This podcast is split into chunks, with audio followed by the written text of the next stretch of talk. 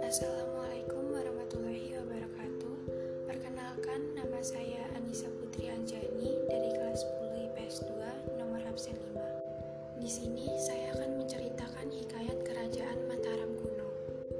Awal mula berdirinya kerajaan Mataram kuno adalah Rakai Mataram Sang Ratu Sanjaya pada saat itu memakai gelar ratu karena tidak ada perbedaan yang berarti atas tafsir ratu dan raja di zaman itu. Ibu dari Sanjaya yang bernama Sanaha mempunyai saudara bernama Sana yang di mana menguasai sebuah kerajaan tanpa nama. Namun kerajaan itu gagal karena pemerintahannya yang kacau sehingga Ratu Sanjaya hadir dan membereskan kekacauan. Di tahun 732 Masehi, Ratu Sanjaya sebuah prasasti yang menyebutkan secara jelas bahwa Ratu Sanjaya menjabat sebagai seorang raja. Diketahui bahwa Sana mempunyai beberapa nama, di antaranya Sena dan Berata Senawa.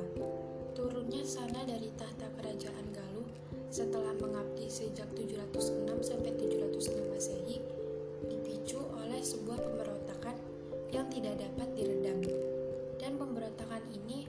bertujuan untuk mengkudeta Raja Sana yang dipelopori oleh Purbasora, paman dari Sanjaya.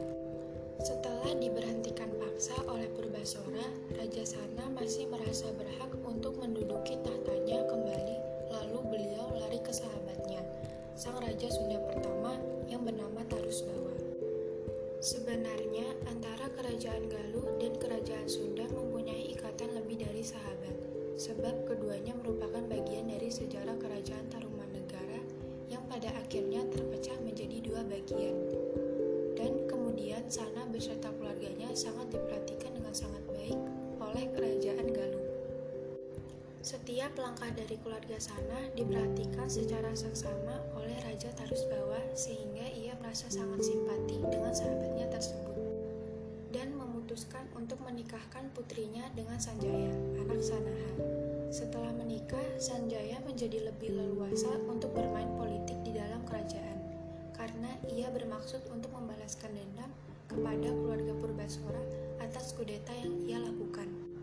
Lalu Sanjaya menyampaikan maksudnya itu secara langsung kepada mertuanya dengan tujuan untuk mendapatkan restu sekaligus bantuan untuk mengadakan perang merebut kerajaan keluarganya kembali. Strategi pembalasan dendam dimulai dengan Sanjaya yang diangkat menjadi raja di kerajaan Sunda. Sanjaya memerintah bukan dengan nama besarnya secara langsung, melainkan dengan maksud untuk berusaha menjalankan pemerintahan kerajaan di Sunda untuk menggantikan sang mertua yang telah berumur.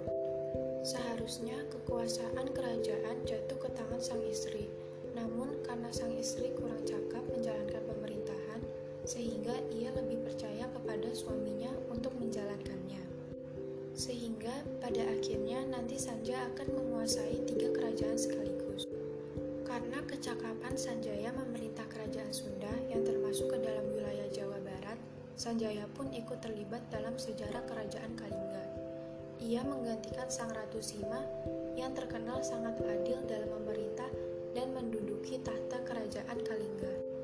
Lalu, di abad ke-7, Sanjaya mengakhiri kekuasaannya dengan membagi kerajaan menjadi dua bagian dan diserahkan kepada putranya.